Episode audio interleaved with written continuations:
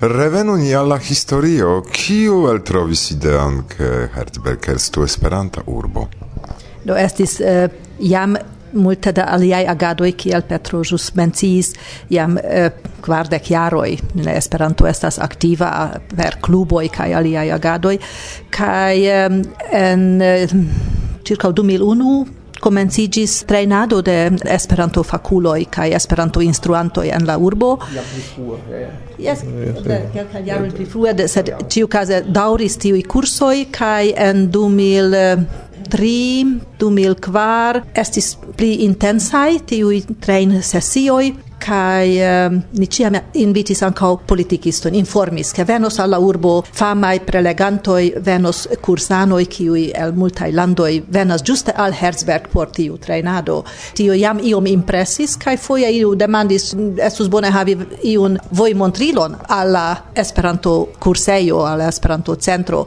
Kai se estus jam iu vojmontrilo al Esperanto centro eble ankaŭ oni povus nomi ĝin Esperanto urbo Do estis fakte preskaŭ iu hazarda, preskaŭ scherza rimarko de iu kaj kompreneble la granda antaŭpreparo estis bezonata tiu lobiumado kontakti multajn homojn gravulojn kiuj estas en decidpovo ne kaj kiuj jam konsciis pri la valoro de Esperanto. Jes, do ni provas eh, ĉiutage labori multkampe por kai per Esperanto kai ni il successas. Do exemple ci somere en multaj grandaj germanaj gazetoj kai ech en belai ilustritaj so quin paĝoj aperas belegai fotoi kai tre positive raportas pri la ideo de Esperanto.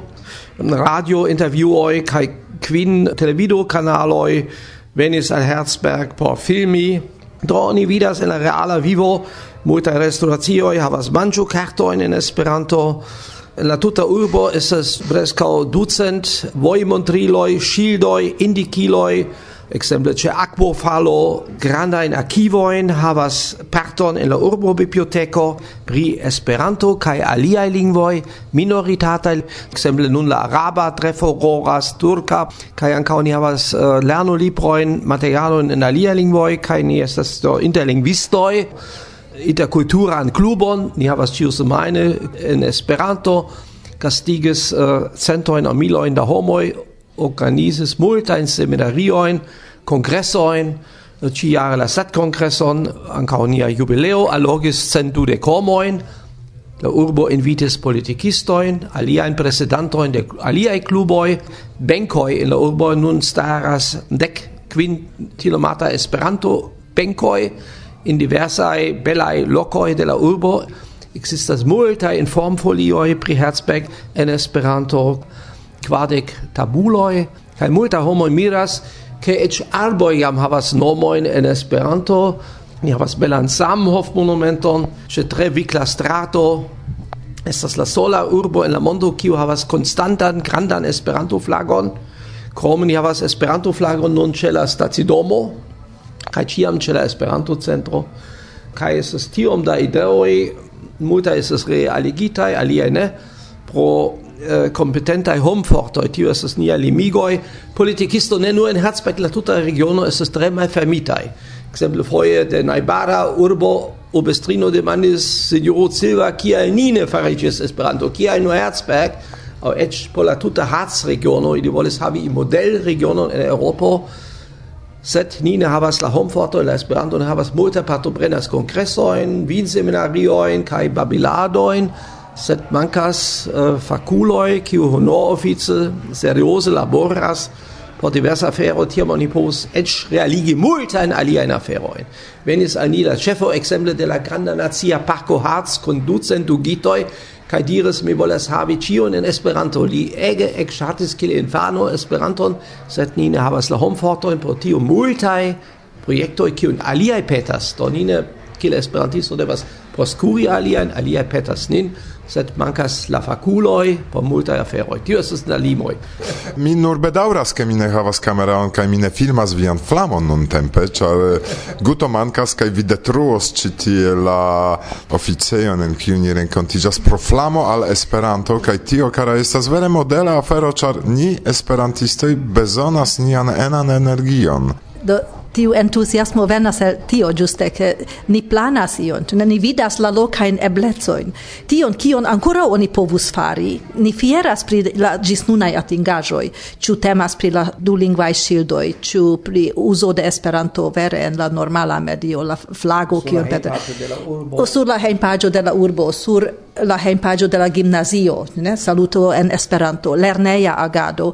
Do, estas granda scalo de realigitaj proiectoi kai resultoi kai ni vidas ancora kia ni povus ancora evolui kai kion oni povus fari se vere estus pli da tempo, pli da mono, pli da subteno de laboremaj homoi kai ni faras kion ni povas kai ni ĝojas kiam aliai rimarkas tion kai subtenas chu morale chu finance. La urbo mem ne havas financoi multai pensas ke ech ni estas dungitoi au ni estas favorata minacatai po estas ni kiuj petas tion kaj tion ni povos dulingvigi, tie ni povos kunlabori kun aliaj asocioj, starigi monumentojn, vidigi Esperanton kaj zorgi pri tio, ke Esperanto restu videbla, no ne nur provizoraj aspektoj, sed konstantaj kai dio estas ankaŭ kiu erradias al la ĉirkaŭaĵo ĉar homoj ĉiutage vidas tion ĉu ne ĉe la stacidomo ŝildoj kiu alvenas al la urbo vole nevole vidas la saluttabulojn multaj eĉ serĉas poste kio estas Esperanto? Kion mi ankoraŭ povas vidi? Ni havas nun la muzeon en la kastelo. En la urba biblioteko estas aparta Esperanto sekcio do en iro en diversa terrenoj de la regula vivo de urbo. Kai eh, ni vidas kie ni povus evolui.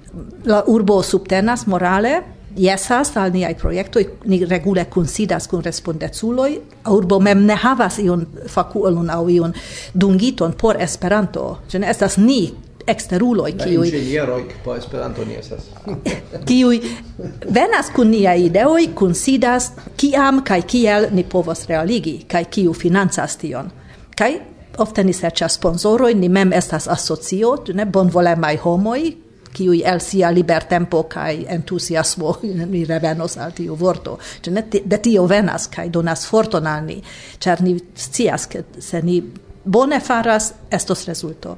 E mi pensis che entusiasmo venas pro vi, sed mi vidas che anca vi havas entusiasmo, do tio estas iom eh, pli komplika, ĉu do, Do ŝajne ni povas listigi multajn atingojn eh, carei auscultantoi, interesiĝu pri la esperantista urbo Herzberg kaj visitu la reteion, interesiĝu por vidi kaj eble serci ideojn por viaj regionoj en la tuta mondo.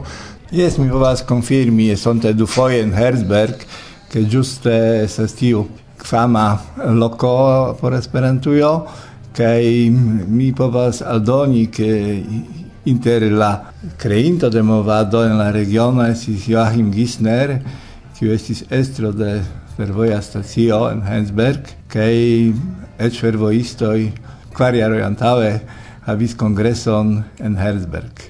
Do estis ankaŭ bone organizita kongreso kaj la etoso granda kai mi dankas al esperantisto Herzberg kai estas la ekzemplo por imiti ilin kai estas bona ideo por mi. kai mi kore gratulas al vi pro deciara penado fervora kaj flama. Oni cantas en la pola lingvo centiaro in eh, laboro vi. Do, mi tion, mi tion desiras al vi ka ankoraŭ centiaro in peno vi atingi pli grandaj rezultojn ol eh, gis nun vi atingis kai gis nun vi rezultoj estas bonai kai imponai laŭ. Do foi visito nin ankaŭ viaj auscultantoi Evidente oni vidas multe in la reala mondo. Ankaŭ uno familio el Poznano antaŭ kelkaj jaroi acetis hotelon en apuda villaggio Siber kai ili perfekte parolas Esperanton estas la familio Liberski kai ili servas avi vi kuiras po vi ec en Esperanto vi povas bili pri, pri normale temoj. Do serĉu nian hejmpaĝon kaj tie vi trovas kursojn, diversajn konferencojn, seminariojn, turismajn ofertojn kaj bonvenon. Malgranda correcto ne al viai auscultantoi, set al niai, char ni estas en la rondo familia. Do en la provizora studio, kiu trovigas nun tempe en au dum arcones, rencontigis ge amicoi, tiel mi povas curaggio diri. Do, eh, kun mi, kun Irek, parolis? Jofia Korodi. Petro Silvar, o Silva. Kaj mia granda amico? Wiesław Lipner-Erpland. mi povas nur aldoni, Varsovia vento? Bla, bla, bla. Giuste. Conan dankon pro interview.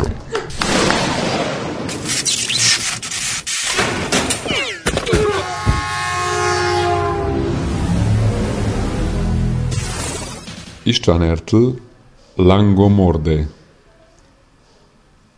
Perdita inter fremdai idiomoi, la lingvon del profund mi malposedas.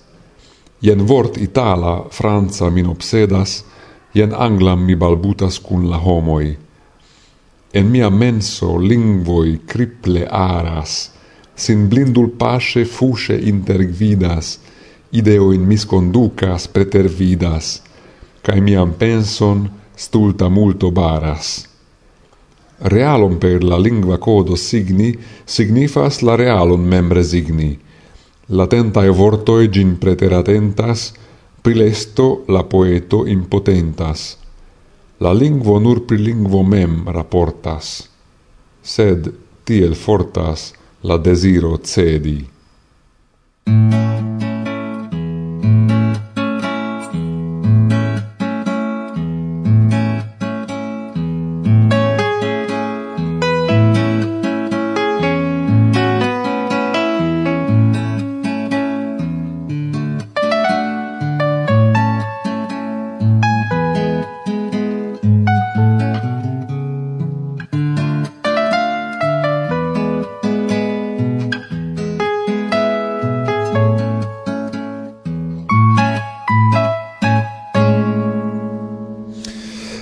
la provizora studio de Varsovia Vento, kiu estas nuntempe dum au en Arcones, ci eh, ti estas eh, iomete malgranda te amo, sed tamen mi intervjuos unu homon kai gasto de la mikrofona rencontigio estas... Saed Abbasi de Irano. Kai li rimarkis mian namŝildon en kiu estas skribita Irek kai shaine en Irano ekzistas similnoma aranjo ĉu? Jes, ĝi estas Irana Esperanto-Kongreso kaj jam eh, ĉiare ni havis por la tria fojo, do vi estas ĉiama senpaga gasto de Irek. Bonvenon al Irano. Vi estas reprezentanto de la Irana Esperanto-movado, vi eh, povas rakonti iomete, kio okazas en Irano? unu en kiu urbo vi loĝas? Uh, mi persone estas eh, uh, Tehranano, sed mi de pli malpli dek jaroj loĝas en Ĉinio en Shanghai, sed ĉiujare mi frekventas inter Ĉinio kaj Irano kaj pli malpli du monatoj en ĉiu jaro mi estas en Irano. Kio okazas nuntempe en Irana Esperanto-movado? Irano estas pli malpli ekzotika lando, eh, ne nur por esperantistoj, sed por ĉiuj. Depost Irana revolucio kontakto inter Irano kaj fremdaj landoj malpliiĝis, multaj homoj ne tiom scias la nuna situacio de ŝtato. Ni povas diri ke de tri jaroj jam ni havas pli formalan agadon en Irano. Antaŭe esperantistoj persone kai uno ope activigis en Esperantujo, chu lernante la lingvon, chu tradukante, chu verkante kai tiel plu. Sed jam de tri jaro ni havas formalajn kunsidojn, kongresojn kai ankaŭ oficejon en Teherano. La respondezulo de Esperanto-movado de Iran nun estas uh, sinjoro Sayadpur Kehan Sayadpur. antaŭ estis la ĉefa respondezulo pri la movado kaj antaŭ kelkaj monatoj ili elektis uh, novan respondezulon por la Teherana klubo kaj mi memoras ke eble estis en aprilo ni havis trian kongreson en Irano bedaŭrinde ĉi foje ni ne havis fremdajn gastojn sed venis multaj homoj de aliaj urboj de Irano kaj ni havis tre bonan unutagan planon. Ni ne estas solaj ĉi tie, ĉirkaŭ ni estas ne publiko setamikoj. Silvia, Marto, Dimitri, Tomio. Penso pri viaj demandoj al nia kara gasto el Irano. Bone, Irana eh, Esperanto Kongreso, ĉu nur estas sola efiko de agado? Eh, de multaj jaroj publikigis Irana Esperantisto la revuo kaj eh, jam ni havas elektronikan version, ne plu publikigas papere. Krom tio, de ĉiaro jam comencigis instruado de Esperanto en universitatoi. Unu de miei amicoi, signoro Ahmad Modaper kai lia edzino, cune arrangis eh, formala in curso de Esperanto en universitato kai espereble de venonta jaro ni havos studentoin. kai ti esas bona novajo ke Irano esas la unua lando en Mezoriento kiu havas formalain kursojn de Esperanto en universitato en la nivelo akademia. Ĉu nur Teherano? Ĉu ankaŭ aliaj urboj? Ne nur Teherano, en ĉiu urbo de Irano, en ĉiuj etaj vilaĝoj ni havas reton. Multaj homoj memstare kaj autodidakte lernas Esperanton. Mi konas junulojn en la sud-okcidenta parto de Irano, ekzemple de Khuzestan provinco, kiu jam komencis publiki etan lokan revuon en Esperanto. Mi ancora ne vidis, sed mi audis pri tio. Do, kelkfoje mi dankis al Dio, ke mi ne estas virino. Pardonu virinoj, karaj, se vi aŭskultas tion. Sed se mi estus virino, mi pensas, ke eh, mi timus veni al Irano. Ĉu junulinoj, kiuj sidas ĉi tie, ĉu ili timu veni al Irano? Ĉu veni al Irano estas danĝere? Um, Mi tiel povas deklari Mi persone antau cio estas cicerono, por Cino en Irano kaj por Irananoj en Ĉinio. Kaj mi ĉu jare kiam iras al Irano vidas multajn multajn fremdulojn kiuj venas al Irano por vojaĝi kaj estas viroj kaj virinoj ĉiuj. Post la Irana revolucio okazis en Irano iu renesancon. Tio rilatis al ĉiuj aferoi rilate al religio. Antaŭe klergioj estis provisorai kai ne regis la landon. Post la revolucio tiel nomatai islamaj clergioi komencis kontroli la staton devis pripensi pri multai aferoi. Ciu la banka sistemo, ciu la asecuria sistemo, kai familiaj raitoi, la raitoi de virinoj, kai tiel plu. Nun la situazio estas pli bona compare kun antaŭ jaroj. Mi povas diri ke en la unua jaroj de post revolucio speciale dum la milito inter Irano kaj Irako la situacio estis ne tiom bona sed nun la ŝtato estas tute moderna kaj oni tre facile akceptas aliajn kondutojn kaj aliajn kulturojn. Ne timu veni al Irano, ĉu? Yes, certe, malgrado che mi ne estas ne, mi ne estas virino kaj anca ne estas oficialulo, sed kiel Cicerono mi povas diri che se vi estu viro au virino ne gravas. Bonvenon al Irano. Tomio estis en eh, Irano kaj se vi ne havus barbon, oni povus miksi vin kun virino, ĉu? Eh, fakte mi eh, foje mem surmetis kaptukon, ĉar mi volis montri ke se estas iu bezono kovri longan hararon, do eble ankaŭ mi devus kovri mian hararon. kaj mi ekhavis kelkajn interesajn diskutojn pro tio ago kun ege interesaj homoj tie. Do, mi... Mi volus fakte capti ci okazon por eh, elkore danki la iranan Esperanto-movadon. Mi havis ege bonan vojaĝon dank al ili. Estis tiel ke irana amiko kiu loĝis en Svedio dum dek jaroj estis forpelita kaj devis reveni al Irano kaj ni iomete timis pri lia sekureco do kelke el ni decidis iri tien por visiti kai do vidi ke cio estis bone kun li. Kai nur eh, la tago antau la voyaggio mi ekpensis ah mi devintus ankaŭ skribi al pasporta servano esperantisto en Teherano. Do mi skribis kai en de la dude kvar horoi kiu estis antaŭ nia vojaĝo kvin homoj respondis kaj ofertis tranoktadon kai ni electis ion kiu estis por iu kialo pli tauga kai ni havis tre interesan restadon tie kai ankaŭ dum tiu semajno kiu ni estis en Teherano estis eh, kluba conveno qui estis prelego pri carbon oxid neutralai urboi. Imagu tia temo qui ege interesas min. Kai mi devis constati ke krom mia amiko ki perfekte parolas la svedan estis vere nenio kun kiu mi povis havi profundan interparolon en Teherano ĉar ni ne havis komunajn fortajn lingvojn ĝis mi atingis Esperanto-klubon. Tiam mi kunvenis kun dudek homoj, kun kiuj mi povis paroli pri ajna temo. Do ni ankaŭ poste dum tiu semajno multe umis kun tiu esperantistoj kaj ili montris aferojn eh, al mi pri irana kulturo kiu ja mi pensas ke eh, mi ne povas elpensi alian manieron tiom rapide vidi tiom multe de io interesa lando. Uh, kia mi komencis esperantistigi antaŭ pli ol dudek jaroj mi ie legis ke Esperanto estis relative populara en en Irano giusto rilata alla Irana Revoluzio, char in tiu tempo Irano ne havis amica in rilato in cunu sono, kaj Esperanto estis alternativo por la angla.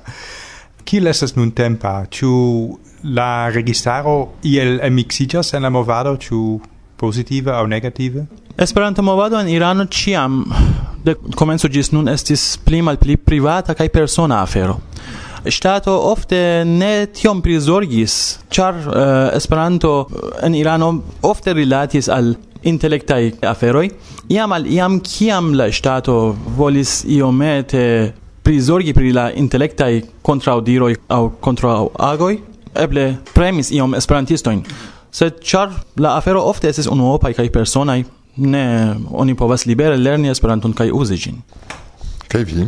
Marta, ĉu vi havas demandon? Marta, yes. de kie vi estas? Ĉar Dimitri eh, estas de Nederlando, kompreneble. Eh, mi estas el Polando, mi loĝas apud Vroclavo en la urbo Jelenia Góra kaj mi volus demandi vin eh, pri Esperanto el la lingva vidpunkto. Ĉu estas facile lerni Esperanton por irananoj, ĉu ne? Nu, kion vi povus diri pri tio? Uh, Esperanto naskiĝis en Eŭropo. La naturo de Esperanto-lingvo certe estas eŭropeca, sed por ni irananoj, ĉar la lingvo estas hindoeŭropa, estas pli malpli facile lernebla lingvo. Kaj eble aliaj, kiuj venis al Adam Mickiewicz universitato por lerni la metodikon, ĉiuj lernis aliajn lingvojn kaj ili mem povas konfesi ke lerni Esperanto helpas ilin por lerni aliajn lingvojn sed char mi loĝas en Ĉinio kaj mi havis tre densan kontaktojn kun ĉinaj esperantistoj, por ili estas iomete malfacila. Ĉar lerni lingvon ankaŭ rilatas al pensmaniero kaj kulturo. Irananoj, malgraŭ ke ni loĝas en Mezoriento, havas pli similan kulturon kaj lingvon al Eŭropo, sed ĉinoj ne. Silvia, Ĉu esperantistoj de Irano povas facile vojaĝi al kongresoj, al esperantaj eventoj en aliaj landoj? Por vojaĝi eksterlande havas problemon por akiri vizon. De kiam komenciĝis la enlanda milito de Sirio, ĉiuj landoj de Mezoriento havas problemojn por vojaĝi eksterlande speciale al Eŭropo. Ekzemple ĉiare, kiam mi volis veni ĉi tien, Samtempe ankaŭ eh, mia amiko Ahmad Modaber ankaŭ li volis veni por partopreni in Arkones, sed bedaŭre li ne povis akiri la vizon kaj tio problemo ne nur ekzistas por esperantistoj, ĉiuj mi persona ankaŭ en Ĉinio kiam mi volis akiri vizon mi antaŭ dudek kvin tagoj devis doni mian pasporton kaj plenumi multajn dokumentojn kaj distoni ilin al konsulejo kaj atendi. Mi, eh, la lasta tago antaŭ mia vojaĝo mi ne sciis ĉu mi ricevos vizon aŭ ne? La proceduro estas iomete longa, sed bonŝance mi povis veni kaj ĝoji atmosferon de Arcones kaj ankaŭ studi kun miaj karaj samklasanoj en la kurso de metodiko de instruado de Esperanto.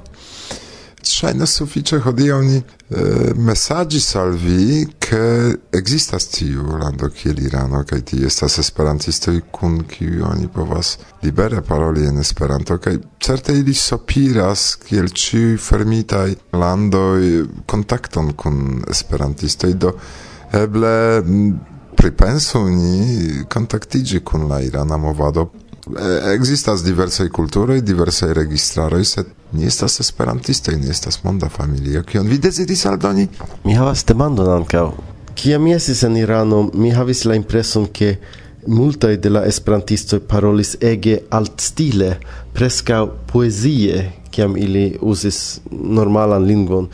Ekzemple, multaj ne diris maljuna, ili diris olda. Mm -hmm. Kaj por mi tio estas poezia lingvo, sed por ili ŝajne estis tut normala kaj mi eh, sentis ke io generala tendenco eviti malvortojn sed havi vortojn eh, pli eh, eble altstilajn aŭ, aŭ poeziajn vortojn. Do ĉu vi povos diri iom pri diversaj stiloj de Esperanto parolado Persa lingvo estas iusence diglosia, signifas ke uh, ni havas popularan, normalan parolon kaj ankaŭ formalan. Ofte homoj kiam parolas kun fremduloj preferas esti pli gentila kaj ĝuste pro tio iomete pli poezia. Persa lingvo estas lingvo de poezio. Ni havas multajn, multajn poetojn en Irano. Eĉ iam iu irana poeto diris che iranano au estas aktoroj au estas poeto Do kiu ne estas sufiĉe lertaj i iĝas aktoroj. Do arto estas parto de nia de nia ĉiutaga vivo. Kaj ĝuste pro tio mi povas diri ke kiel Cicerono tio aferon mi elkore kaj tre eh, klare volas diri al vi mi vidis multajn homojn kiuj venis al Irano multaj homoj iras por vidi la oldaj konstruaĵoj, por vidi eh, naturaj belaj lokoj kaj tiel plu, sed kiam vi iras al Irano, vi devas vidi homojn. Kaj se vi volas ĝoji vian vojaĝon, vi devas paroli kun homoj. Ni estas kastema nacio. Mm, estas morgaŭ jam. Bone. Do kutimo de Varsovia vento parolinokte ĉiam eĉ koncertoj kun gravaj muzikistoj okazas inter dua tria nokte speciale por aŭskultantoj de Varsovia vento sed Non tempe mi deziras kore danki al vi, al la cefa interviuinto, kai alla gamikoj kiuj venis ĉi tie. Do tio estas iu mezurilo, che tamen interesiĝo pri irana esperantistoj kaj kontaktoj kun Irano tamen estas, ciune? Do Deziras eh, adiaui vin el provizora studio de Varsovia Vento. Eh, e, Marto. Silvia. Tomio. Dimitri. Saed. kai mi, Irek. Varsovia Vento. Bla, bla, bla.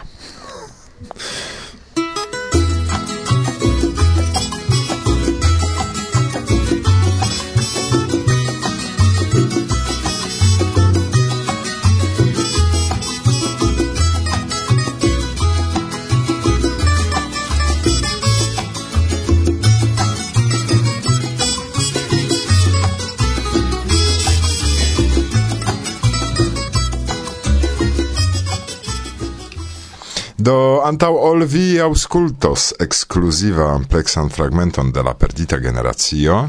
ni desiras adiaui vin Kai inviti post malpli ol monato alla lastan el elsendon.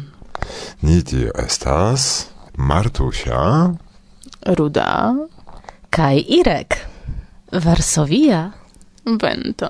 Bla bla bla. Thank you.